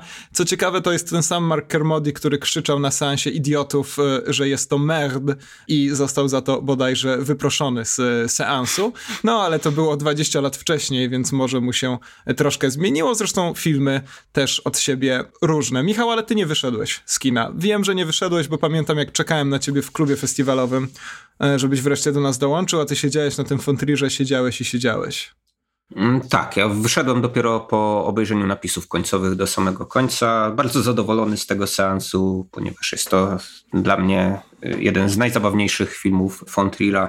Mimo tego, że wychodząc zderzyłem się ze znajomym znajomego, który tak głośno obwieszczał swoje niezadowolenie, że jest to film dla chorych ludzi. Tak. E, no tak, tak, tak. E, nie, a w czasie nie poczuwam się do. E, nie, nie, nie. No to jak.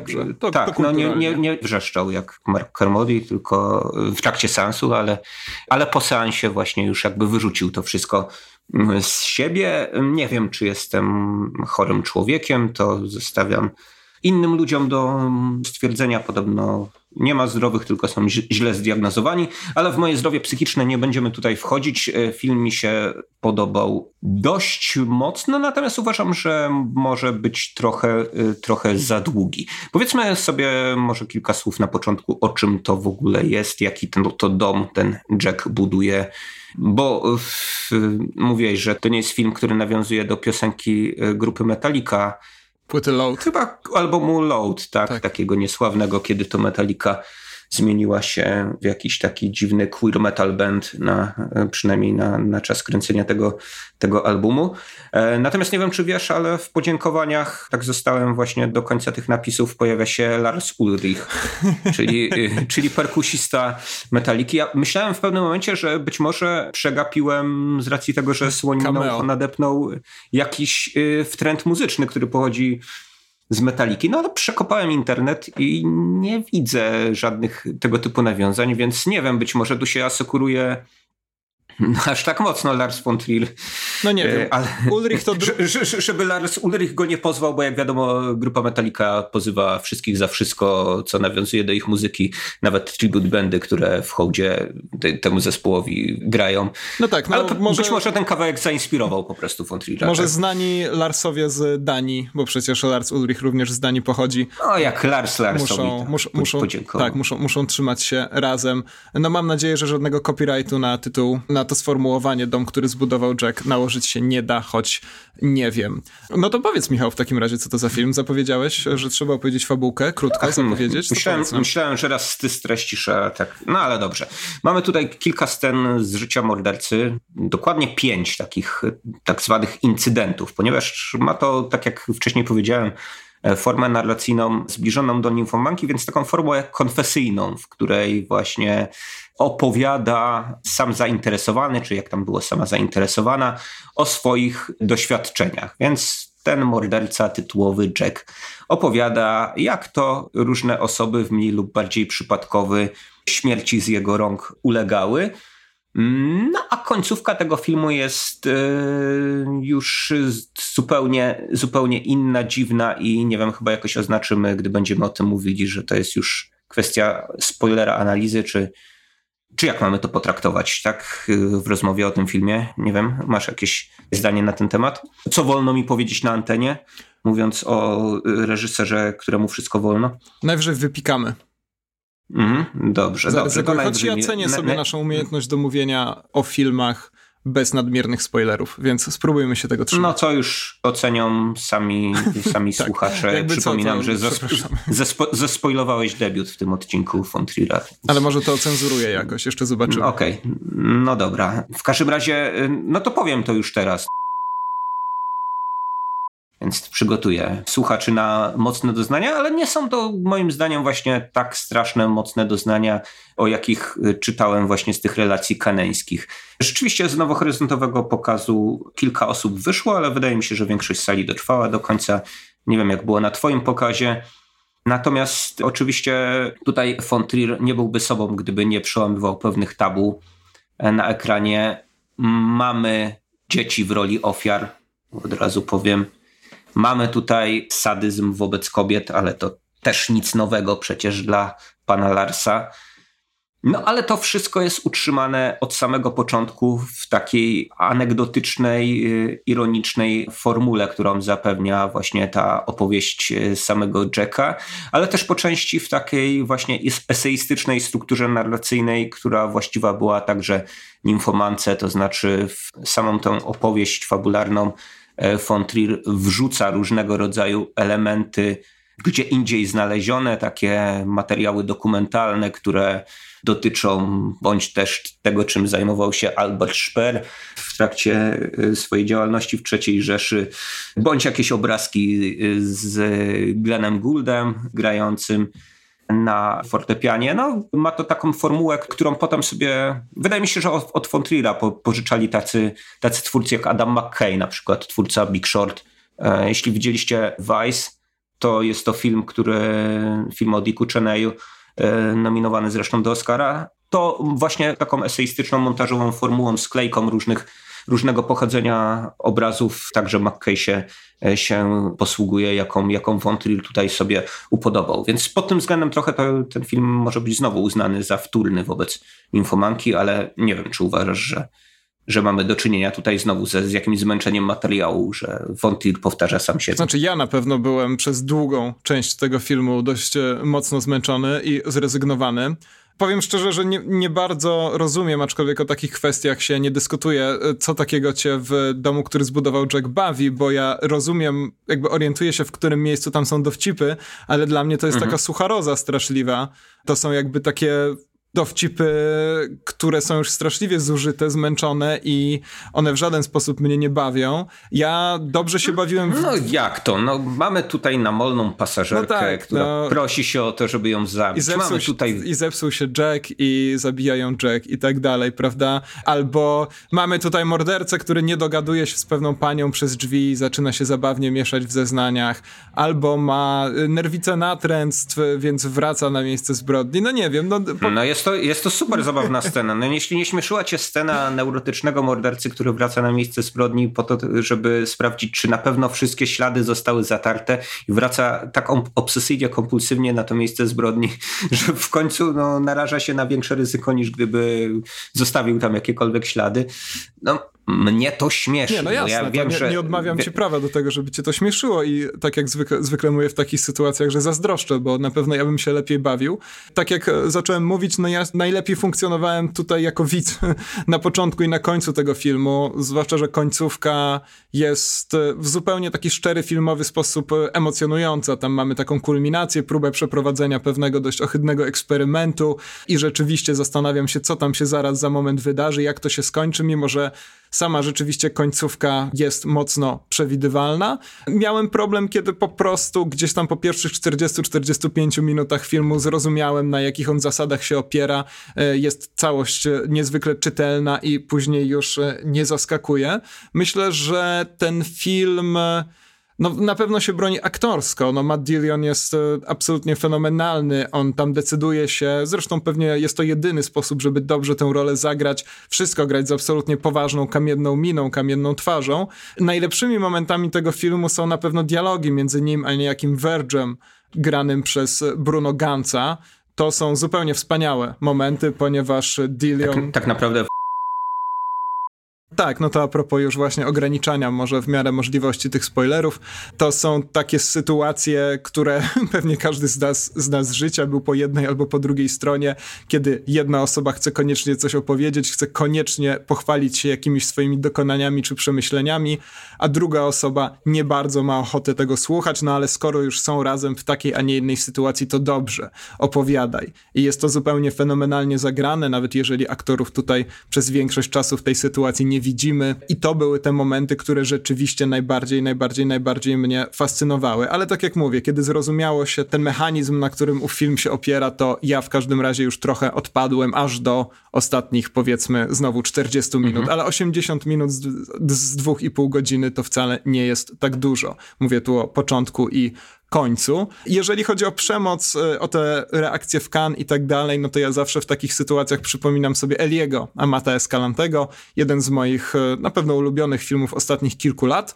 Film, który też wzbudził reakcje pełne oburzenia, no zresztą jest to również film pełen przemocy, myślę, że o wiele bardziej dojmującej, chociaż pewnie nie należy tego porównywać. No i pamiętam, że Amat Escalante odpowiadał na zarzuty w bardzo taki prosty, wydawałoby się oczywisty sposób, to znaczy przeszkadza wam to tutaj, a nie przeszkadza wam to, nie wiem, chociażby ileś tam tropów w Mrocznym Rycerzu Nolana, bo wtedy bodajże Mroczny, Mroczny Rycerz miał premierę, więc to jest zawsze to stałe pytanie o to, w pewnej formie przemoc nas drażni, w innej już nie, nawet jeżeli konkluzja tak naprawdę i esencja tej przemocy jest dokładnie taka sama, bo to ciągle przemoc, czyli coś, co no jest tak naprawdę zupełnie bez sensu i pewnie rzadko znajduje jakiekolwiek usprawiedliwienie. No właśnie, no i to wydaje mi się, że ta prowokacja Fontrira się jakoś sprawdza tak, też no na pod takim tym poziomie właśnie jasne. dialogu z tym, co na ekranie można pokazywać. Oczywiście to nie jest tak głębokie intelektualnie jak e, Funny Games Hanekego, natomiast wydaje mi się, że no, pewne sceny, nawet pomijając te suchary czy dowcipasy, do jakiejś tam refleksji, mogą wzbudzać to, że mamy tutaj scenę inscenizowaną na polowanie, takie typowe myśliwskie, właśnie z celami, amboną i tak dalej. No ale z ludzkimi ofiarami i to takimi właśnie najbardziej niewinnymi, które kino mainstreamowe na pewno nie jest skłonne uśmiercać i na pewno nie w taki sposób, tak, no bo jest to postrzegane za jakiegoś rodzaju tabu. No to wydaje mi się, że tutaj Frontier ma coś jednak takiego do pokazania. Może w sposób dosadny, może jakiś taki absolutnie zgłębiający wszelkie niuanse tej sprawy. No ale chyba działający mimo wszystko. No wiesz, na takim poziomie rzeczywiście automatycznych reakcji to to musi zadziałać. Tak samo scena z kaczuszką chociażby. No ja jako miłośnik klasycznego włoskiego kina wiem, że nie należy torturować kaczuszki, a młody Jack wyraźnie o tym nie wiedział, co owocuje rzeczywiście taką ułamkosekundową, ale koszmarną zupełnie sceną. Ja uważam, ja ogólnie bardzo nie lubię odczytywać filmów, książek, ani absolutnie niczego w kluczach autobiograficznych. Jakichś komentarzy na temat własnej twórczości i tak dalej. Ja jakoś od dawna mam taką tendencję do całkowitego odrywania tekstu od jego twórcy i robieniem sobie z tym tekstem, co, co żywnie mi się podoba, co pewnie w tym podcaście nieraz pokazywałem. Ale no rzeczywiście przy domu, który zbudował Jack, nie da się uciec od tego komentarza na temat całej twórczości. Wspomniałeś wcześniej, że on tutaj wmontowuje jakieś tam fragmenty z melancholii chociażby i tak dalej. I myślę, że na tym mhm. poziomie ten film się broni najbardziej. Wiemy z wywiadów, ja przed nagraniem tego odcinka słuchałem sobie takiej rozmowy z Mattem Dillionem przeprowadzonej przez e, Lincoln Center i opublikowanej w podcaście Film Comment, który szczerze polecam. I on tam mówił, że jemu z kolei von Trier otwarcie opowiadał o tym, że Jack jest e, no praktycznie von Trierem przeniesionym na ekran, z tym wyjątkiem, że von Trier kręci filmy, a nie morduje ludzi. No i szereg komentarzy na przykład o tym, że morduje tylko kobiety i tak dalej, rzeczywiście prowadzi nas na, na ten trop autobiograficzny. I myślę, że właśnie jako taka zupełnie może nie, niespotykana, ale na pewno rzadko spotykana refleksja na temat własnych dokonań, a przede wszystkim własnych problemów z zarówno jakimiś takimi psychicznymi zupełnie kwestiami, nie wiem jak to ładnie ująć, ale chodzi właśnie mi tutaj o depresję, chodzi mi tutaj o nerwicę natręstw i tak dalej, jak i właśnie z tym takim rozpaczliwym poczuciem niespełnienia, to to jest taka kwestia, która broni się najbardziej. Paweł Biliński w ekranach to jest zresztą na stronie ekranu, więc można znaleźć tę recenzję. Bardzo ładnie napisał, że to jest niespełniony film o niespełnieniu. Szczerze mówiąc, nie pamiętam, czy dokładnie był taki wydźwięk jego recenzji, bo czytałem ją już jakiś czas temu. Niemniej bardzo podoba mi się ta fraza i będę ją chyba powtarzał w kontekście tego filmu. Mhm. Czy może być w ogóle spełniony film o niespełnieniu? 8,5, tak, Feliniego być może. No właśnie, być może. Myślę, że może. Okay. Tak, myślę, że szedłbym tym tropem i znalazłbym takie, takie rzeczy z 8,5 na czele. Okej, okay, no ale tak, no te tropy autobiograficzne tutaj jakby narzucają się same przez się i wydaje się, że no właśnie w taki ostentacyjny tak, sposób tak, no tu się nie da przed jest, jest ekshibicjonistą. No jeżeli Wiemy dobrze o tym, że wywołał skandal w Cannes na konferencji prasowej Melancholii, mówiąc, znaczy gubiąc się tak naprawdę w swoim angielskim nie najlepszym, e, że myślał kiedyś, że, e, że jest Żydem, ale potem się okazało, że jest Niemcem. To, to, to taki prawdziwy fakt z, z życiorysu von Trier'a, e, któremu matka na łożu śmierci wyznała, że jego ojcem jest po prostu Ktoś inny. Niemiec, jak człowiek, tak, którego nie zna. No a potem w trakcie tego wywodu von Trier właśnie doszedł do tego, że no przez to jest tak chyba trochę nazistą i no, trochę, trochę sympatyzuje z tym Hitlerem w bunkrze gdzieś tam w 45. No za co jak wiadomo został wykluczony, dostał wilczy bilet w Cannes, no a tutaj powraca z takim filmem do Cannes, w którym nawet Hitler przez moment przemyka przez ekran. Oczywiście, e, nie, nie, nie, nie, mówiąc o tym, że y, właśnie tytułowy bohater porównuje się do Alberta Speera, wcześniej przytem nieprzytoczonego architekta III Rzeszy, tego, który miał właśnie e, zbudować tę nową tysiącletnią Rzeszę w takim konkretnym myśleniu o tym, jak, że miał ją zbudować, czyli te wszystkie monumentalne pałace totalitaryzmu. Po części no, Speer już zaczął budować, tak projektował i tak dalej. Więc wydaje mi się, że to jest, no, to jest jakiś taki po części żart, po części spowiedź, po części właśnie no, jakaś taka próba ekspiacji podjęta przez von Trier'a, ale też... O, tak no, bym tego nie traktował. Nie... nie traktowałem tego absolutnie jako próbę ekspiacji. To znaczy nie wyobrażam sobie, żeby von Trier był w ogóle, w ogóle super słów używamy w tym podcaście. Wcześniej się też pojawiło słowo permisywni, także brawo dla nas. Ale mm, no, wydaje mi się, że von Trier... jakieś tam przypisy do tego. Nie, no ja no, myślę, że wszyscy znają te słowa, ale chodzi mi o to, że nie wyobrażam sobie, żeby von Trier był w ogóle do takiego aktu zdolny. Zupełnie szczerze. Mhm. To znaczy nie wyobrażam sobie, żeby to był, wiesz, taki akt akt skierowany w stronę do ludzi, którzy go wykluczyli z e, festiwalu w Cannes, bo tak jak wcześniej powiedziałem, no Fontrier jest raczej przeciwko politycznej poprawności i generalnie jest e, za tym, żeby brejkać wszystkie rule, jak to e, mawiał klasyk polskiej poezji.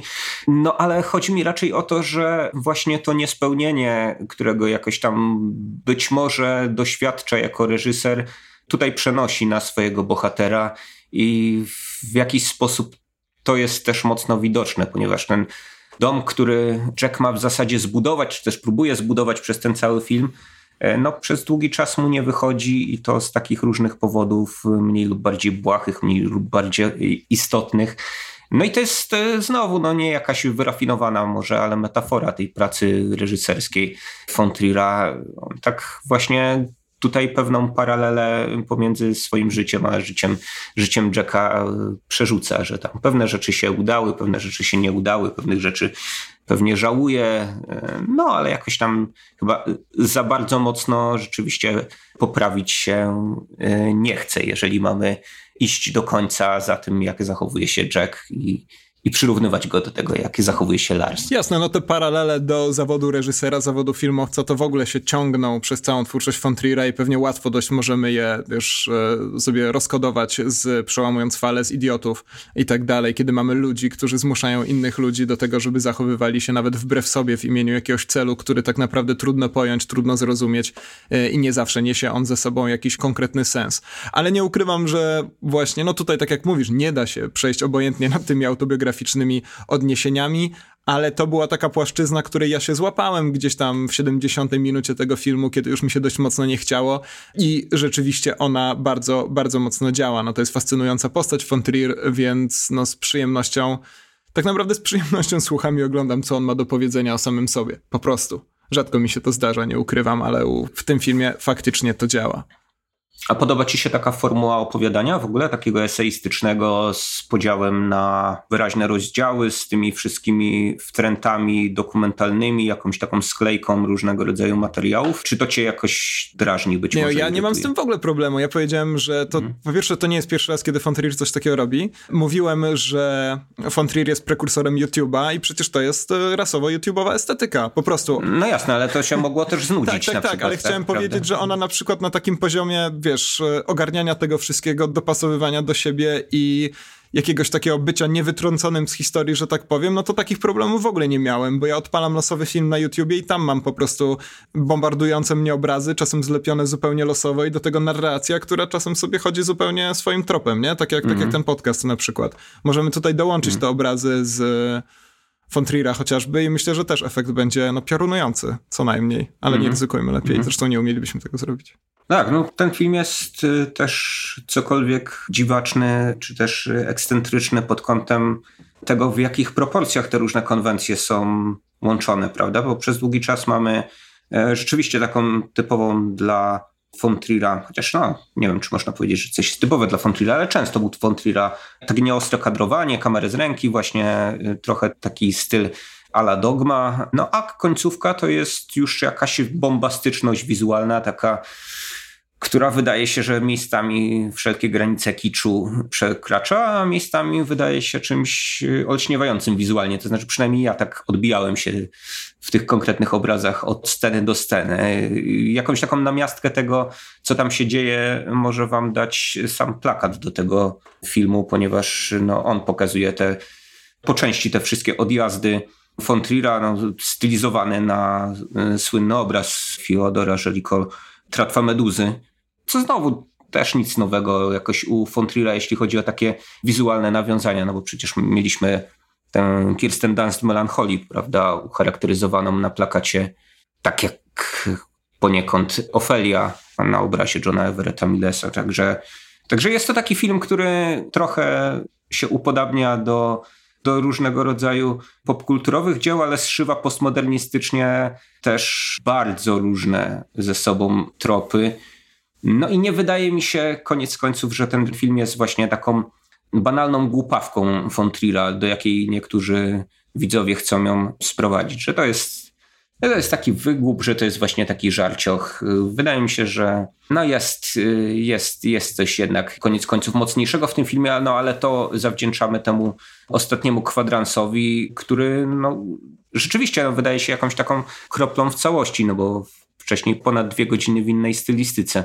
Więc nie wiem, jak ty się tutaj zapatrujesz na, na, na, tego typu rzeczy, że doszywamy coś, co jest tak zupełnie inne na sam koniec. Robimy finał w zupełnie innej tonacji. No, ten koniec e, pod takim kątem czysto plastyczno-wizualnym no jest zupełnie szokujący, bo tam są rzeczywiście takie ujęcia, które właśnie przywołujesz na podstawie chociażby plakatu tego filmu, które zostały zderzone z jakimiś ujęciami rodem z filmu dokumentalnego, gdzieś tam kręconego z ręki właśnie w fatalnych warunkach oświetleniowych. I to robi e, fantastyczne wrażenie, no zwłaszcza na ekranie kinowym, gdzie rzeczywiście ten mimo że ten film chyba nie zmienia nigdzie formatu, to jednak masz wrażenie takiego nagłego rozszerzenia, nagłego zupełnie przeniesienia do innego królestwa, do królestwa spokojnych, dobrze oddychających kosiarzy na przykład. Mhm. Więc... tak, tam nawet tempo właśnie cięcia ujęć no, wydłuża się drastycznie, prawda? I mamy ujęcia w slow motion, takie, takie długie, płynące, tak w przeciwieństwie do tego takiego właśnie dosyć frenetycznego montażu wcześniejszego. Tak, i mnie się ten efekt niezmiernie podoba. Jeżeli chodzi o te zarzuty, które przywołałeś, nie podpisując się pod nimi o to, że jest to rzeczywiście tylko żarcioch i głupawka, to ja powiem, że absolutnie tak nie jest. Rzeczywiście, ja się absolutnie z tobą zgadzam. Widać w tym filmie, że on wypływa z jakiejś głębi, nawet jeżeli to jest czeluść piekielna, ale no jednocześnie tam po prostu jest taka sytuacja, że te żarciochy i głupawki w tym filmie są. One według mnie wypadają bardzo słabo, bardzo męcząco i bardzo naiwnie, ale całość, jako całość, taka powiedzmy intelektualna, e, według mnie się broni. Jak najbardziej. Nawet jeżeli rzeczywiście środek tego filmu okrutnie przecierpiałem, to pracując gdzieś tam nad nim później, to, to, to, to stwierdzam, że tak, a nie nie. Okej. Okay. No. no to cieszę się, czy ten domek ci się podoba. To znaczy, tak jak mówię, no ja nie będę ukrywał, że rzeczywiście męczyłem się przez dużą część tego filmu i też... E...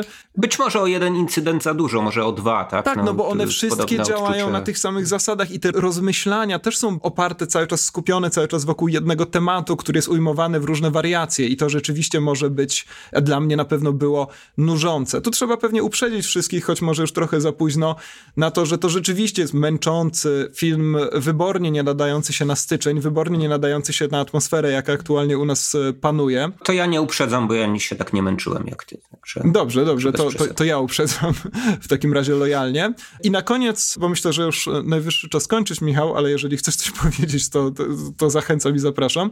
Chciałem powiedzieć, że nie powiedzieliśmy o jednym filmie von Trier'a w naszej długiej dyskusji. Wiesz o jakim?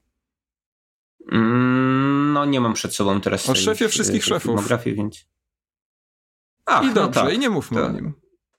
No tak, a propos głupawki. Chciał, właśnie, chciał nakręcić komedię, nie, wy, nie wyszło za Tak, nawet mimo pewnych interesujących eksperymentów technologicznych, to no, nie nadaje się ten film według mnie absolutnie do niczego. Dobra, to co? Nagraliśmy chyba wystarczająco dużo materiału, żeby nasi drodzy słuchacze mieli przy czym zmywać naczynia przez najbliższe dwa tygodnie, kiedy mamy nadzieję pojawi się kolejny odcinek.